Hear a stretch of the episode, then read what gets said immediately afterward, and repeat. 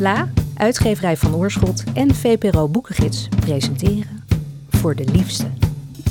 In deze podcast reageren vijf schrijvers op een liefdesverhaal uit de Russische literatuur, waarna ze in gesprek gaan met Ellen Dekwits. Had jij je eerste seizoen voordat jij de Ja, kus had gelezen? Daar zat ik ook over al na- over na Ja, te denken. ja, ja. Ik denk dat het, eh, in, het was in ieder geval dezelfde periode. Als je een Oekraïner iets vraagt, eh, jij bent ook in Oekraïne Ja. geweest, dan Wanneer krijg je nooit een antwoord. Je krijgt Ja. nooit een antwoord. Je krijgt nooit, terwijl in Nederland zegt gewoon, wat wil je doen? Dit gaan we doen.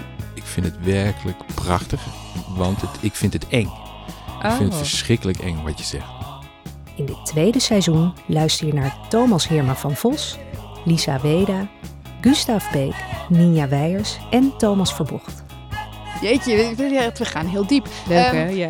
Daar word ik voor betaald, niet ja. Ik ken niemand in dat boek, moeder nog moeder van, van Lolita, Oh, ja. Lolita zelf. Niemand kan eigenlijk leven. Dat is de tragiek van het boek. Vanaf donderdag 6 oktober elke week een nieuwe aflevering. Te beluisteren via Slaakast, het audiokanaal van Sla.